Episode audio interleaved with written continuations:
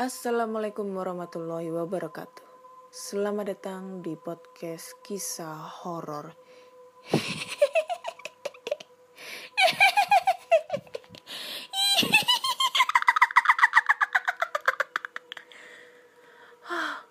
Lagi batuk, nggak kuat anjing.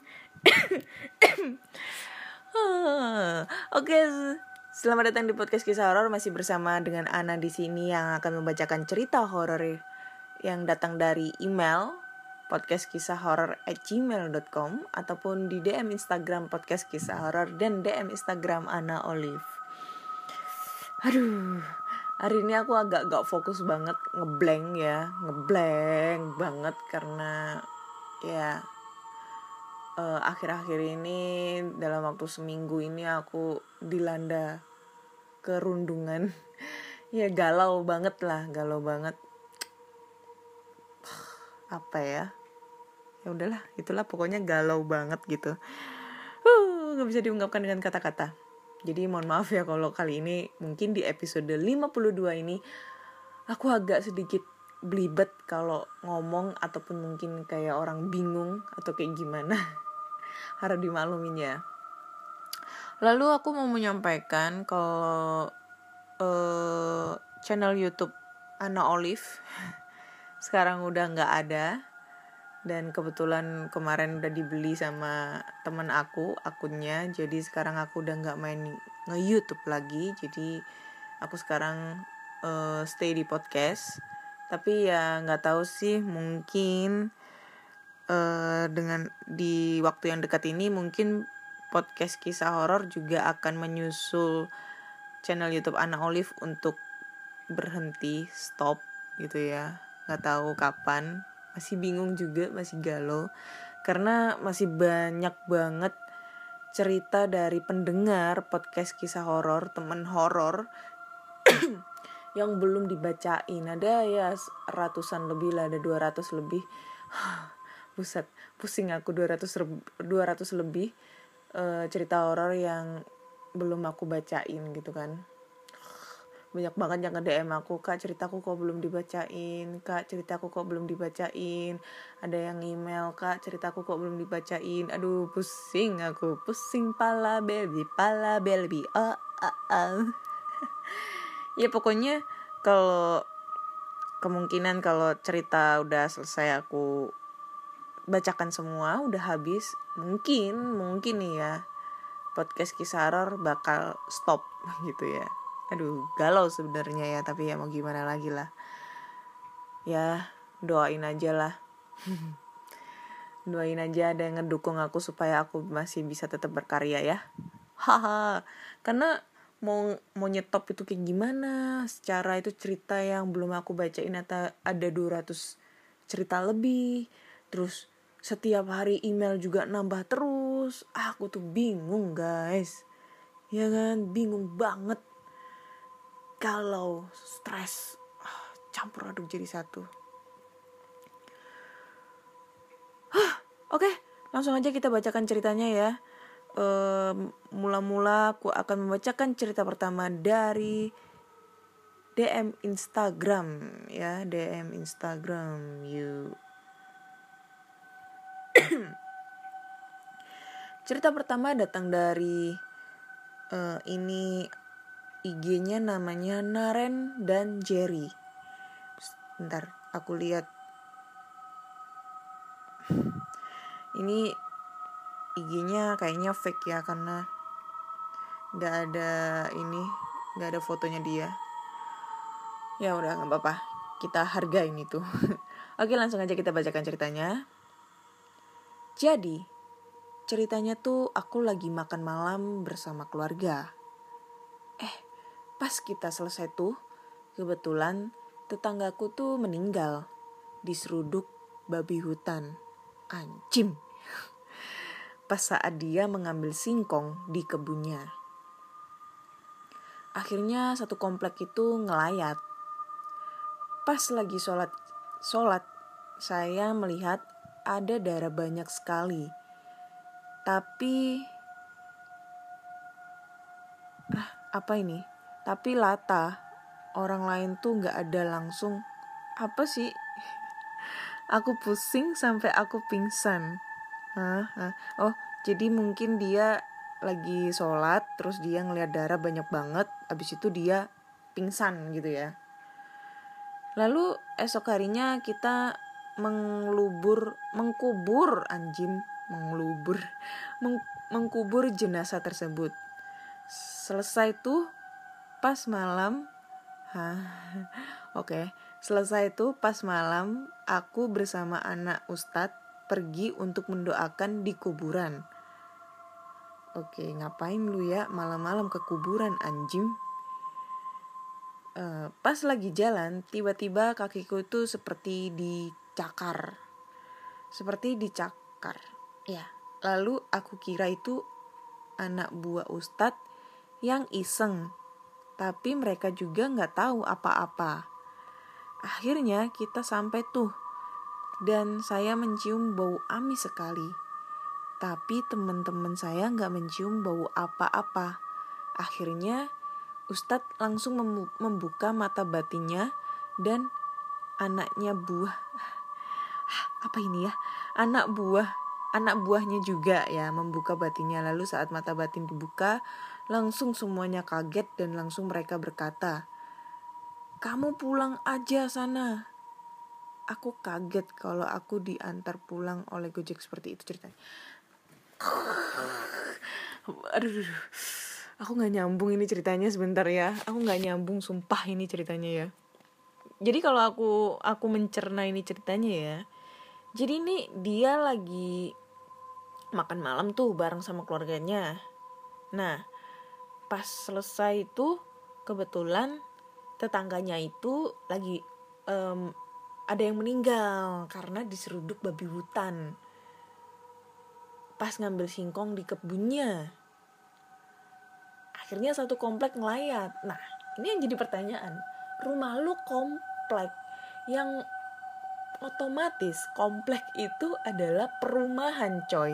Ya mana ada perumahan ada babi hutannya kecuali rumah lu itu ada di sekitar uh, deket-deket kebon kayak atau hutan gitu. Nah aku percaya ini komplek.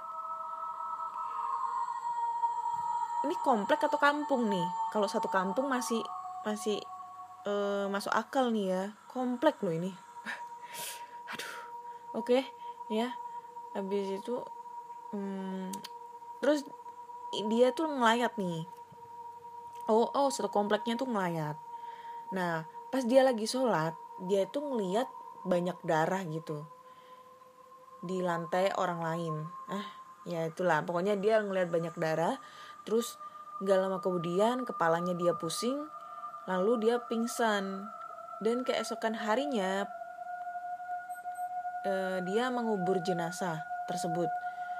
Selesai itu pas malam aku bersama eh, dia bersama anaknya Pak Ustadz pergi untuk mendoakan ke kuburannya nah itulah. Lu kan ini ceritanya ya? Anjing lah ini gimana ya? Aku aku tuh mau aduh suka mulutku itu suka gatel tapi nanti ada yang sakit hati lagi gitu kan? Kemarin ada itu yang siapa itu namanya lupa aku itu dia bikin cerita yang nggak nyambung mulutku nyerocos nyeplos akhirnya dia ngemail aku katanya nggak terima katanya mau balas dendam apalah aku bingung ini dengan dia kenapa gitu ya. Aku biarin lalu tiba-tiba tadi siang dia DM aku katanya masih ingat aku apa enggak semoga lupa. Nah itu maksudnya gimana nih? Halo kak Ana masih ingat aku apa enggak semoga lupa. Hah, bingung gue ya. Itu yang dikirim cerita yang kemarin yang dia katanya bakal me membeli semua sertifikat tanah yang ada di dunia itu ya. I don't know itu maksudnya kayak gimana itu ya. Dan ini ketambahan lagi dengan cerita yang kurang nyambung mungkin ini masih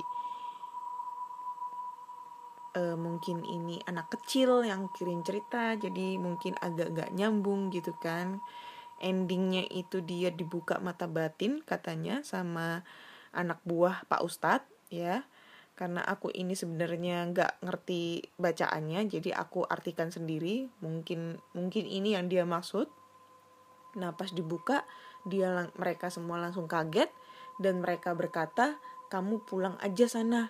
Aku kaget kalau aku diantar pulang oleh Gojek.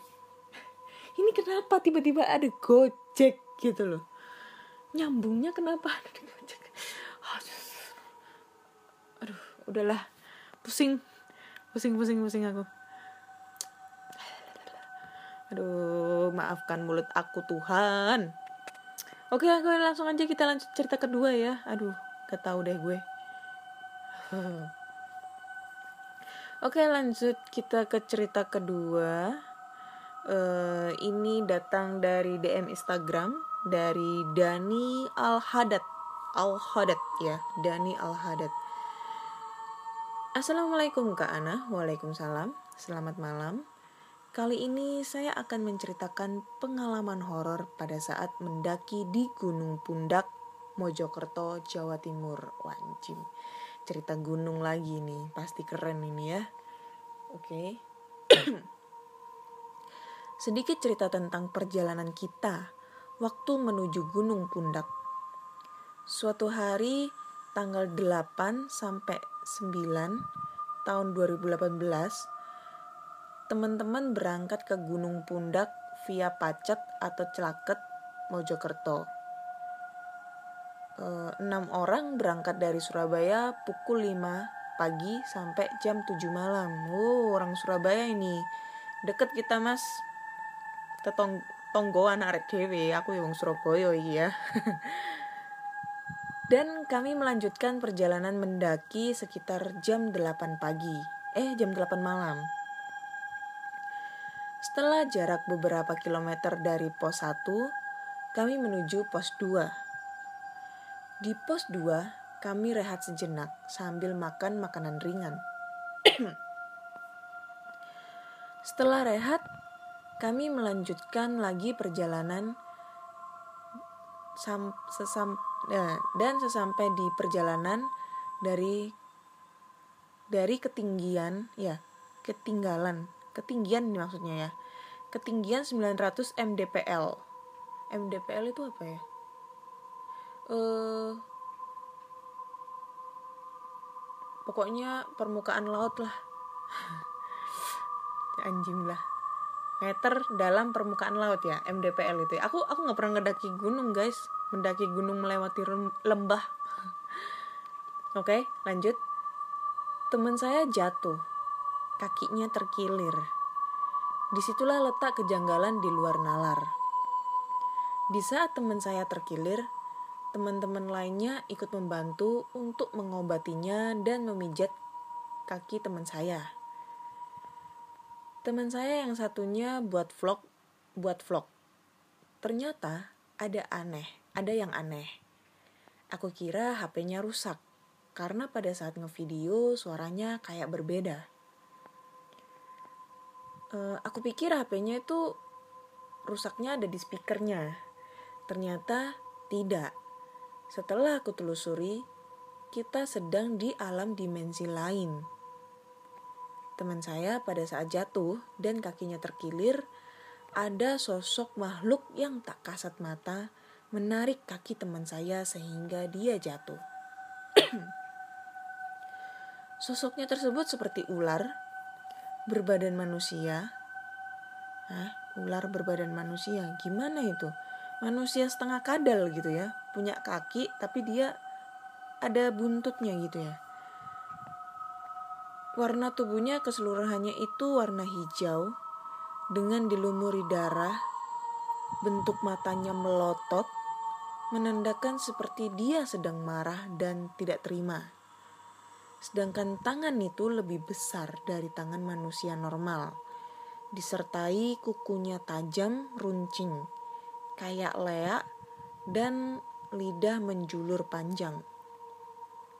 Dan ternyata benar dugaanku.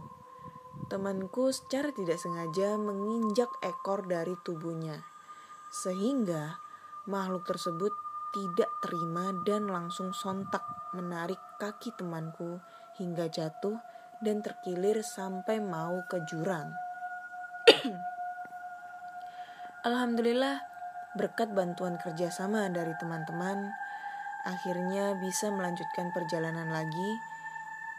Dan pada saat melewati pohon beringin yang berada di jalur pendakian, kurang lebih jaraknya 400 meter dari eh, 400 meter dari temanku jatuh saya melihat sosok makhluk tinggi besar dan perempuan dengan ketawa yang khasnya, dengan raut wajahnya udah hancur total, berbentuk tengkorak, dan ada hewan ulat yang kayak menggerogoti gitu anjing lah. Serta matanya itu kayak meleleh, seperti kena terbakar, dan juga bertemu sosok pocong dengan wajahnya hitam Terus matanya dan hidungnya masih ada kapasnya. Dan bentuk giginya panjang banget. Oke, kalau panjang itu biasanya ini ya, apa ini ya? Bibirnya itu udah nggak ada, jadi kelihatan panjang. Dan aku terdengar seolah-olah dia membisikkan kata-kata pada saya, seolah-olah dia minta bantuan. Aku masih ingat betul banget kata-katanya. Tolonglah saya. Saya ketakutan di sini. Saya belum ingin mati. Saya kedinginan. Saya ketakutan. Tolonglah saya. Kok kayak orang orang kelaparan ya? Uh, tapi tidak menyurutkan semangat kami untuk melanjutkan ke puncak dan sesampai di puncak jam 2 lewat 13 dini hari. Saya tidak berani bercerita sosok apa saja yang saya lihat. Hari sudah menjelang sore. Jam 4. Uh, cepat banget. Dari pagi tiba-tiba langsung sore. Jam 4 kami memutuskan untuk turun dan sesampai kami di base camp, saya masih belum berani bercerita, dan kami pun melanjutkan perjalanan pulang dengan selamat. Sesampainya sudah di rumah, saya ceritakan kejadian semuanya. Sekian dan terima kasih. Ini kak ada videonya waktu terjatuh. Cuma pas pada saat penangkapan, saya nggak bisa ngevideoin sosoknya seperti apa. Oh, ini ada videonya ya guys. Jadi anjing lah nggak bisa diputar gitu oke nanti videonya aku lamp uh, aku post di feed Instagram podcast kisah horor ya ada videonya dia ngirim video kurang lebih untuk sosoknya kuntilanaknya itu seperti ini. Bentuk bola matanya kayak meleleh. Alhamdulillah.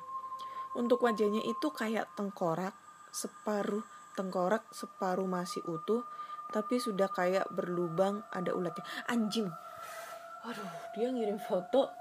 Sebenarnya itu dia tuh ngirim foto contoh contoh apa kurang lebih muka kuntilanaknya itu kayak gini tapi ini serem banget anjing ini kepala manusia beneran? Anjing ini ini dia ngambil dari mana? Ini kepala beneran manusia tapi udah kayak membengkak gitu. Anjing serem banget. Nanti aku post ya di feed ya. Anjing serem banget ini. Lidahnya menjulur matanya melotot kedua.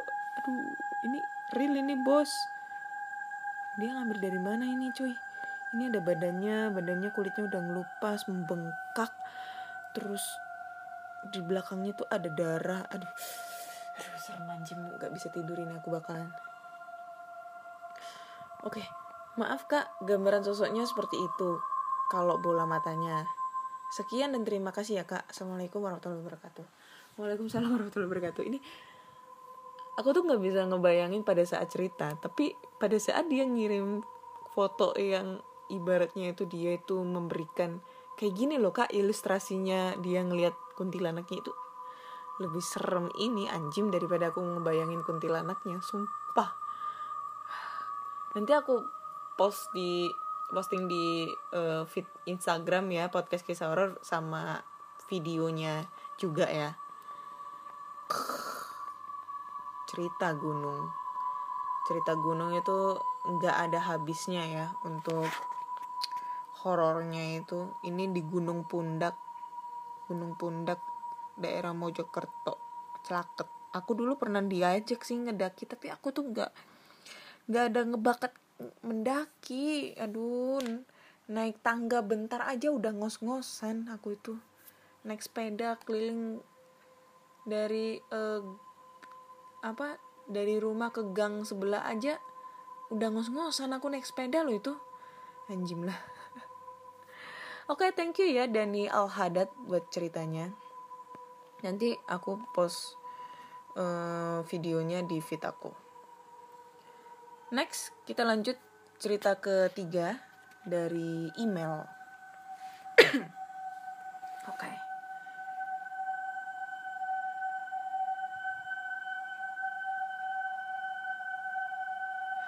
oh ini dari mbak yang kemarin jadi kemarin aku menyebutkan itu uh, dari Famusa Channel ya. Tapi jangan dipublish oke? Okay? maksudnya dia uh, Famusa Channel itu singkatan dari anggota keluarganya ternyata. Anjim lah sorry ya mbak ya nggak tahu. Jadi ini uh, ada cerita dari Famusa Channel uh, kemarin dia kirim cerita apa ya? Ini cerita keduanya yang kemarin itu dia kirim cerita tentang ntar dulu aku lihat ceritanya itu oh waktu zaman dia SD oke. Okay. so kita lanjut aja ke ceritanya. Mana tadi? Hilang cuy. Oh ini Assalamualaikum Kak Ana, Waalaikumsalam. Kembali lagi sama aku Famusa Channel Kak.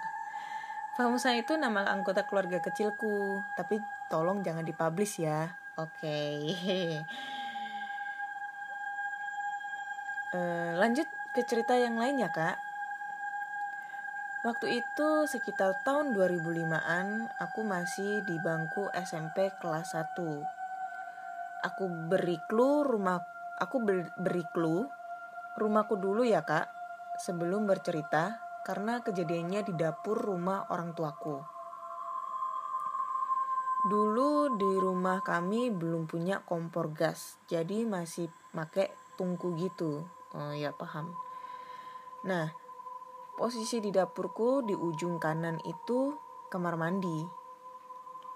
Dan kamar mandinya itu sudah area luar rumah tapi masih gabung jadi satu.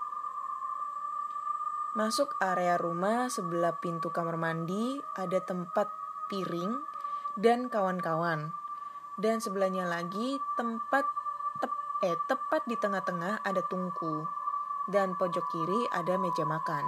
Oh, jadi Iya ya, aku bisa mengilustrasikan ya ini kayak di desaku ya. Jadi ini ada tungku kompor tengah-tengah, sebelah kiri itu tempat tempat piring-piring gitu kan rak, rak piring kayak gitu.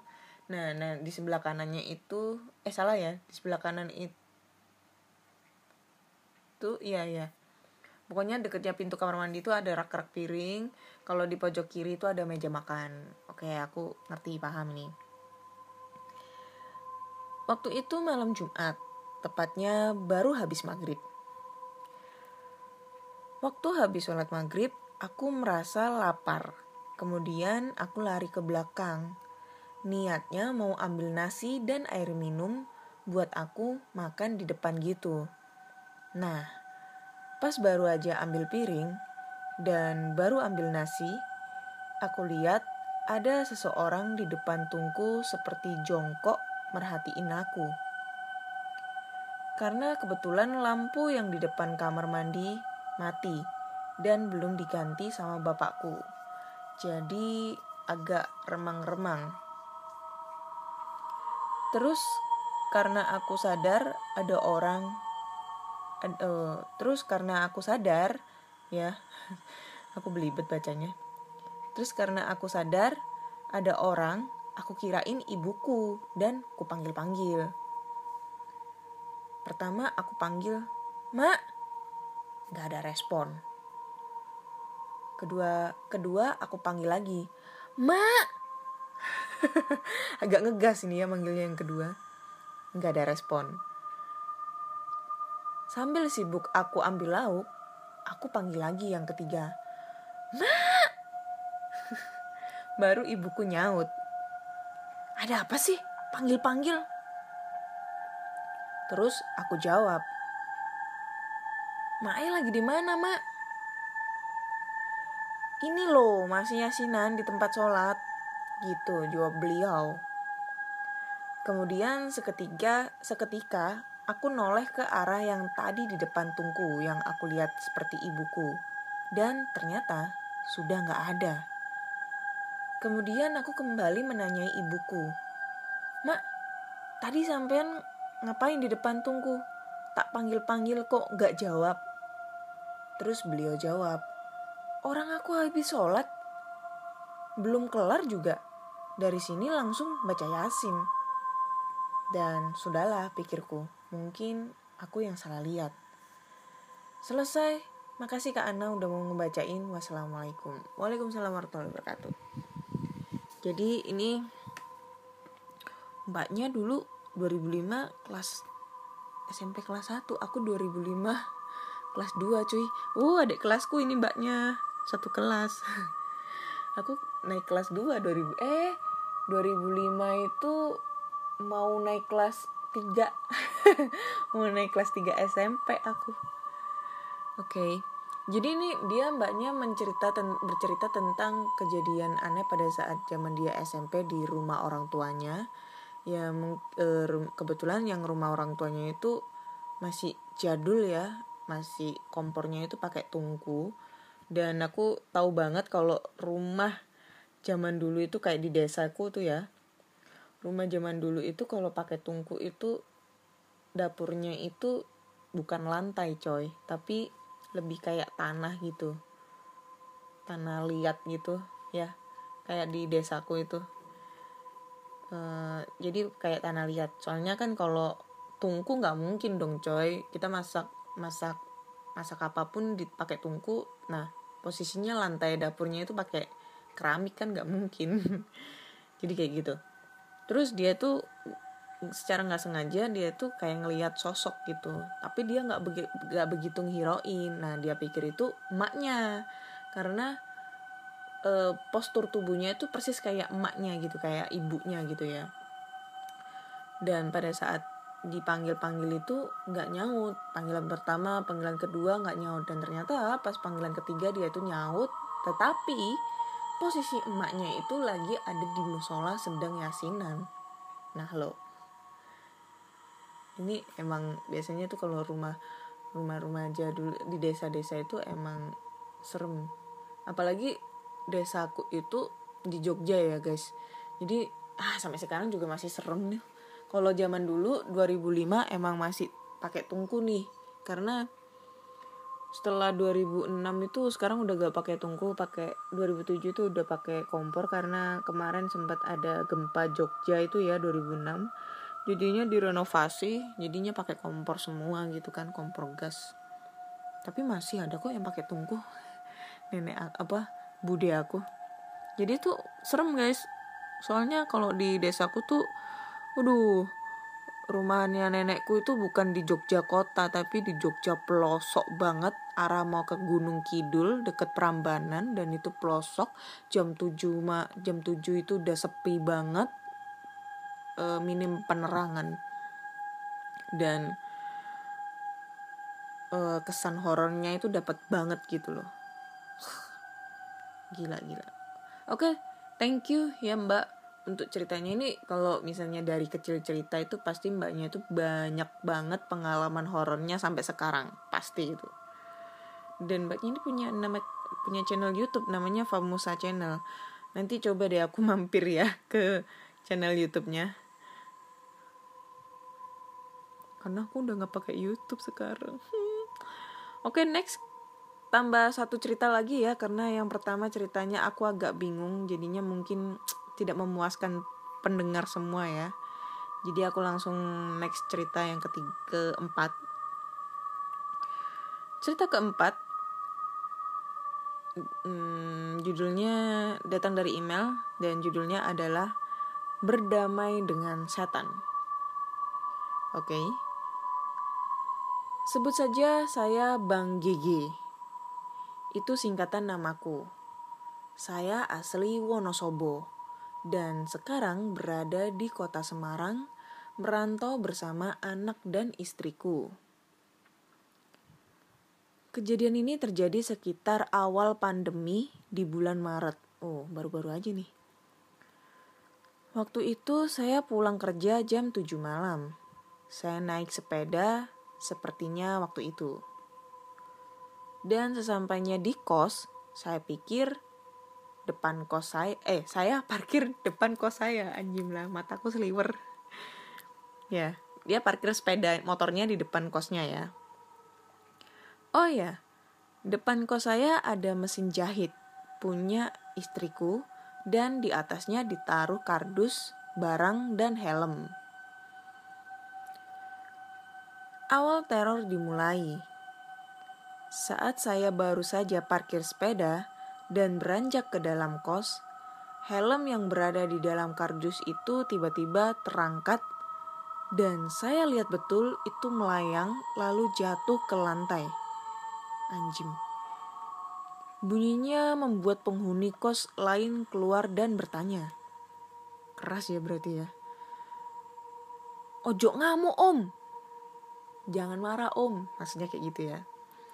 Gitu celetuk salah satu tetangga kosku. Saya masih terpaku, heran.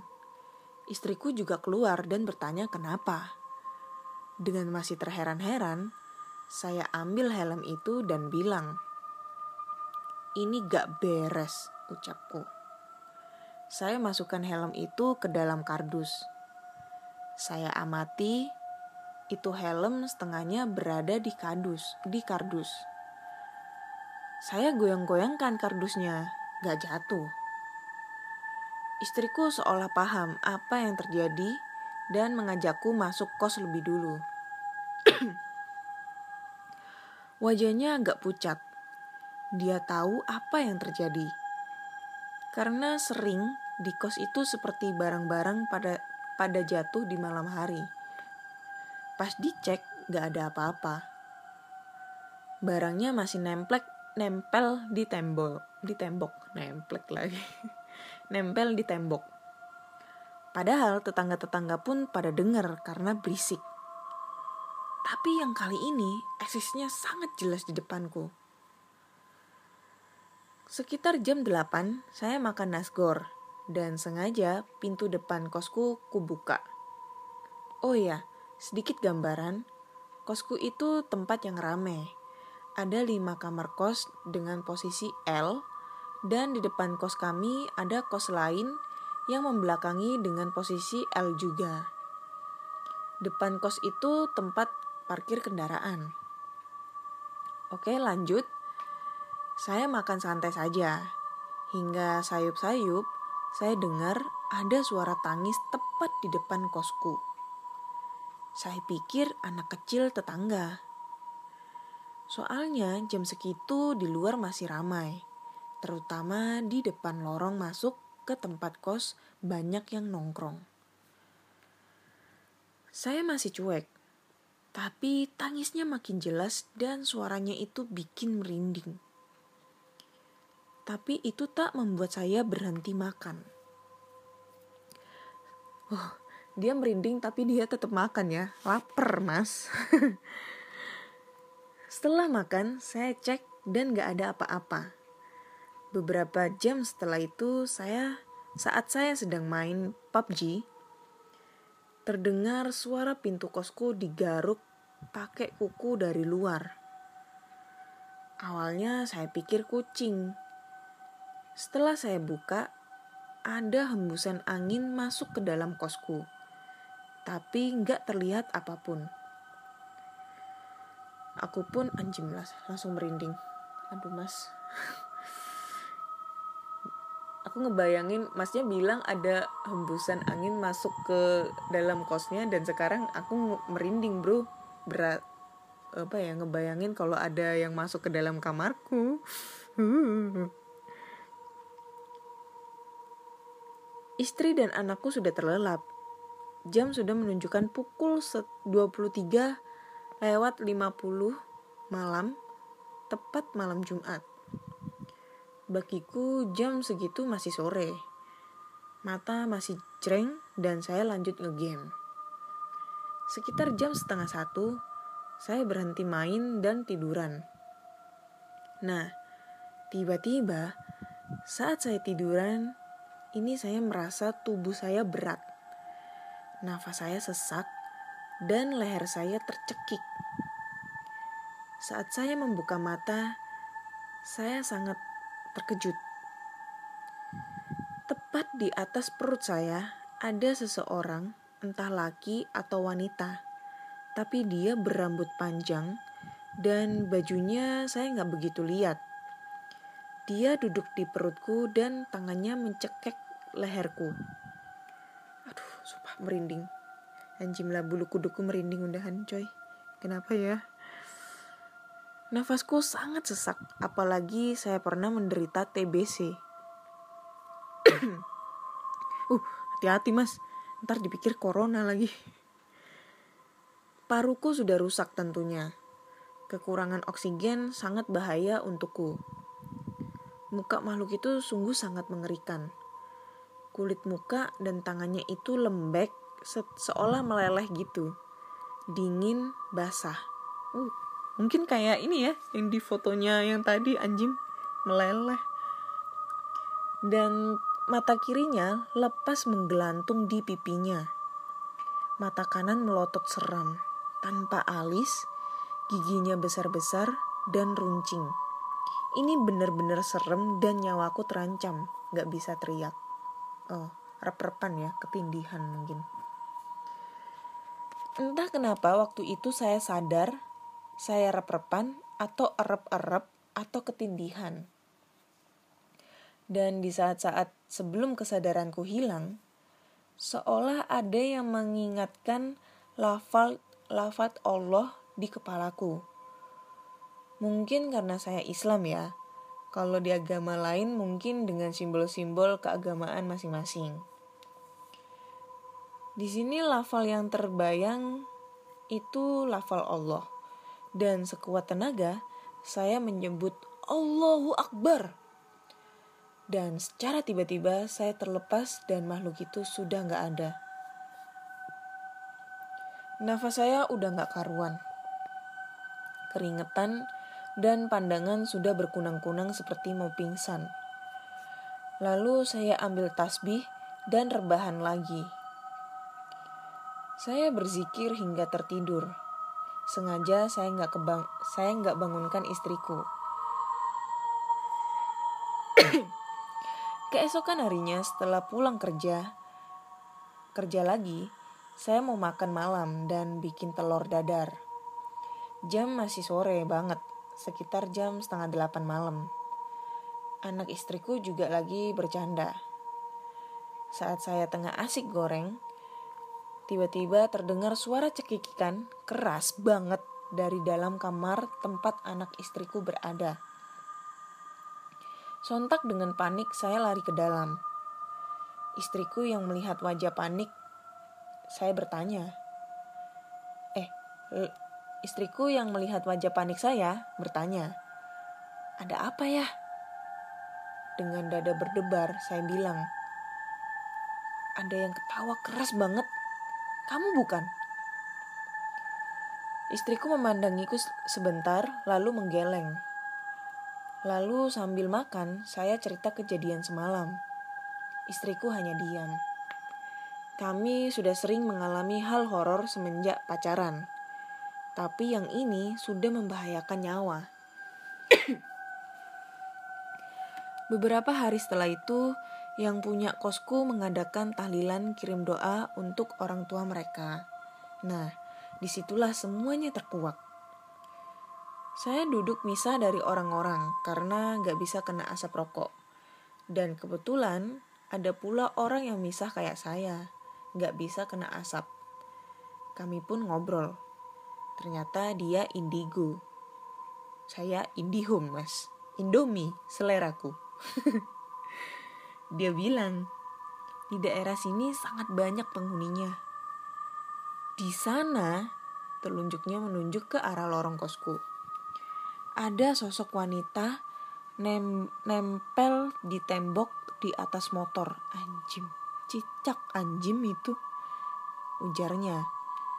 Saya jadi ingat suara tangis waktu sedang makan. Ada juga yang paling serem. Dia lumayan berpengaruh. Wujudnya juga paling serem. Matanya sebelah kiri lepas ngegelantung di pipinya dan dia galak banget. Saya terpaku mendengarnya lalu saya bilang, makhluk itu mencekikku mas, hampir modar aku. Kataku sedikit gemetar. Takut iyalah, saya manusia normal. Tapi yang lebih takut, seandainya makhluk itu membahayakan istri dan anakku gimana? Seolah tahu apa yang saya pikirkan, mas-mas indigo itu bilang, Gak usah takut mas, cukup bilang saja. Kulo tengriki niku numpang. Bile kulo gadah lepat, kulo nyuwun pengampunten. Uh, aku translate ya, maksudnya uh, uh, saya di sini itu numpang. Kalau saya punya salah, saya minta maaf. Udah beres mas, Wong mereka itu cuma pengen disopani. Kalau di dia ganggu sampean, berarti sampean pernah ganggu mereka. Mereka ini penghuni lama sini, gak bisa sembarangan diusir. Kalimat itu membuatku berpikir keras. Apa yang saya lakukan dulu? Lama mengingat, saya teringat dua tahun lalu, anak saya sakit. Saya pikir dia kena sawan, Lalu saya rukiah dan saya marah-marah kepada mereka dan menantangnya kalau berani adu jotos. Anjim lah, setan diajak adu jotos, Mas. Nembus dong di jotos. Hmm, kena mukanya nembus coy, transparan. eh, ternyata anak saya sakit tipes. Tapi waktu itu, ya saya diem saja. Gak mengingat-ingat waktu nantangin mereka. Mungkin mereka baru eksis dua tahun kemudian saat iman saya lengah. Ya, saya sering bohong semenjak pandemi ini. Ada rasa gak percaya sama Tuhan. Ya, sekitar 10% kepercayaan padanya itu hilang. Maaf ya Allah. Aduh, jangan mas. Jangan.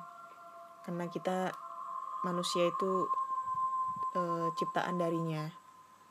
Ya, setelah selesai pengajian, malamnya sebelum tidur, saya bilang seperti yang mas-mas itu katakan. Kulo nyuwun ngapunten nggih, Mbah. Kalau kulo gada gada lepat ageng sanget. Mugi jenengan maringi ngapun peng apa ya? Pang pangapunten. lan kulo nyuwun sanget ampun ganggu kulo lan keluarga kulo. Kulo map mapan wonten ngriki mung numpang. Begitu ucapku ditambah dengan doa sebelum tidur, doa sapu jagat dan ayat kursi. Oke, ini aku translate dulu ya yang tadi ya, karena mungkin kebanyakan banyak yang nggak ngerti ya. Maksudnya yang tadi saya minta maaf. Ya mbah. Kalau saya punya banyak salah. Uh, semoga sampean atau mungkin semoga kamu ya jenengan itu kamu tapi bahasa bahasa halus ya sampean kayak gitu ya uh, memberikan maaf dan ku dan saya min uh, minta sangat ampun jangan uh, oh minta sangat ampun um, minta sangat jangan ganggu saya dan keluarga saya. Anjing lah aku orang Jawa tapi gak ngerti bahasa Jawa. Goblok ini mak. Uh, saya di sini uh, saya berada di sini cuma uh, cuma numpang. Kayak gitu ya. Kurang lebihnya kayak gitu. Anjing lah aku orang Jawa tapi gak ngerti bahasa Jawa eh, goblok banget ya. Ah goblok. Cowok cowok goblok. Gitu ya kurang lebihnya ya. Gitu. Intinya masnya ini minta maaf gitu sama uh, penghuninya di situ karena dia udah waktu itu dua tahun yang lalu dia kayak nantang nantang penghuni di situ sehingga penghuni di situ tuh kayak nggak terima dan akhirnya mengganggu keluarga si masnya ini gitu. Oke lanjut. Hingga sekarang wajah menyeramkan itu tak pernah muncul lagi. Hanya gangguan-gangguan kecil seperti suara mengerang menangis garuk-garuk pintu. Itu saja. Saya udah biasa Terima kasih Kak Ana sudah bacakan email saya. Semoga semua terhibur dan dapat mengambil hikmah dari apa yang saya alami. Next saya akan aciplat perindingan Jim. Next saya akan ceritakan cerita seram saya sebelum saya berkeluarga atau saat saya bekerja di Jakarta. Maaf kalau gak begitu seram. Salam horor. Thank you Mas GG buat ceritanya. Anjim lah gimana gak serem orang saya aja udah merasa merinding. Cerita pertama, kedua, ketiga tuh belum berasa tapi begitu cerita terakhir pas adegan mas ngedengar ada suara kukuk ya eh kukuk kukuk sampean kuku yang menggaruk-garuk pintu itu aku merinding banget. Dan aku teringat tentang video aku video explore aku di salah satu bangunan lama bangunan Belanda di kota Lawang Malang itu ya pada saat aku kan itu di situ aduh videoku udah aku hapus ya karena YouTube aku udah nggak ada gitu ya. Jadi di situ ada tiga tiga rumah. Pas aku explore di rumah sisi kanan aku tuh kayak ngedenger suara kayak kuku ngegaruk-garuk jendela. Dan kebetulan jendelanya itu bentuk kisi-kisi guys. Kisi-kisi kayu gitu loh.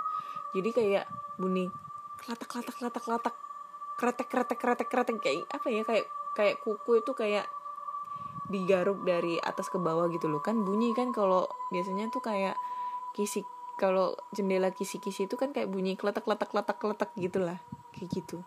Padahal di situ aku explore sendirian. Gak ada siapa-siapa gitu loh. Itu aku langsung merinding disco cuy.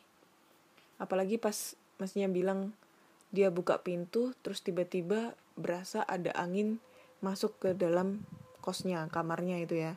Dan ini aku kayak ngerasa ber kayak ngebayangin ada sosok yang berada di anjing lah aku ngeliat-ngeliat belakang terus ada yang di kamarku gitu. Merinding anjing. Oke okay. cukup sekian cerita kali ini. Di episode ke-52 ada empat cerita yang yang sudah aku bacakan. Dan Menurut aku dari cerita 1 2 3 dan 4, menurut aku yang paling horor eh creepy-nya dapet banget, horornya dapet banget itu cerita nomor 4 ya. Cerita ya. Tapi untuk foto yang paling horor itu ada cerita yang ketiga itu ya. Cerita eh cerita kedua ya mendaki gunung itu anjing lah aku ngeliat fotonya itu serem. Kayak gitulah. Oke, okay, Terima kasih sudah mendengarkan podcast kisah horor kali ini. Dan jangan lupa jika kalian uh, punya cerita horor yang seram menurut pengalaman kalian sendiri, uh, kakak, adik, ayah, ibu, kakek, nenek, saudara, tetangga, pacar, atau teman kalian, kalian bisa langsung aja kirim cerita kalian ke podcast kisah horor gmail.com atau DM Instagram podcast kisah horor dan DM Instagram Ana Olive. Uh, kan? Aku katanya mau menyudahi podcast. Maksudnya ingin stop podcast gitu. Tapi masih nyuruh orang buat kirim cerita gitu ya. Karena aku sebenarnya nggak pengen untuk menyudahi ini podcast. Tapi ya mau gimana lagi ya tuntutan? Galau lagi deh. Oke itu ya. Dan jangan lupa dengerin podcast kisah horor selalu karena podcast kisah horor sudah ada di Spotify, Google Podcast, Apple Podcast ataupun di Anchor Jangan lupa klik tombol follow agar kalian selalu update tentang cerita-cerita horor terbaru.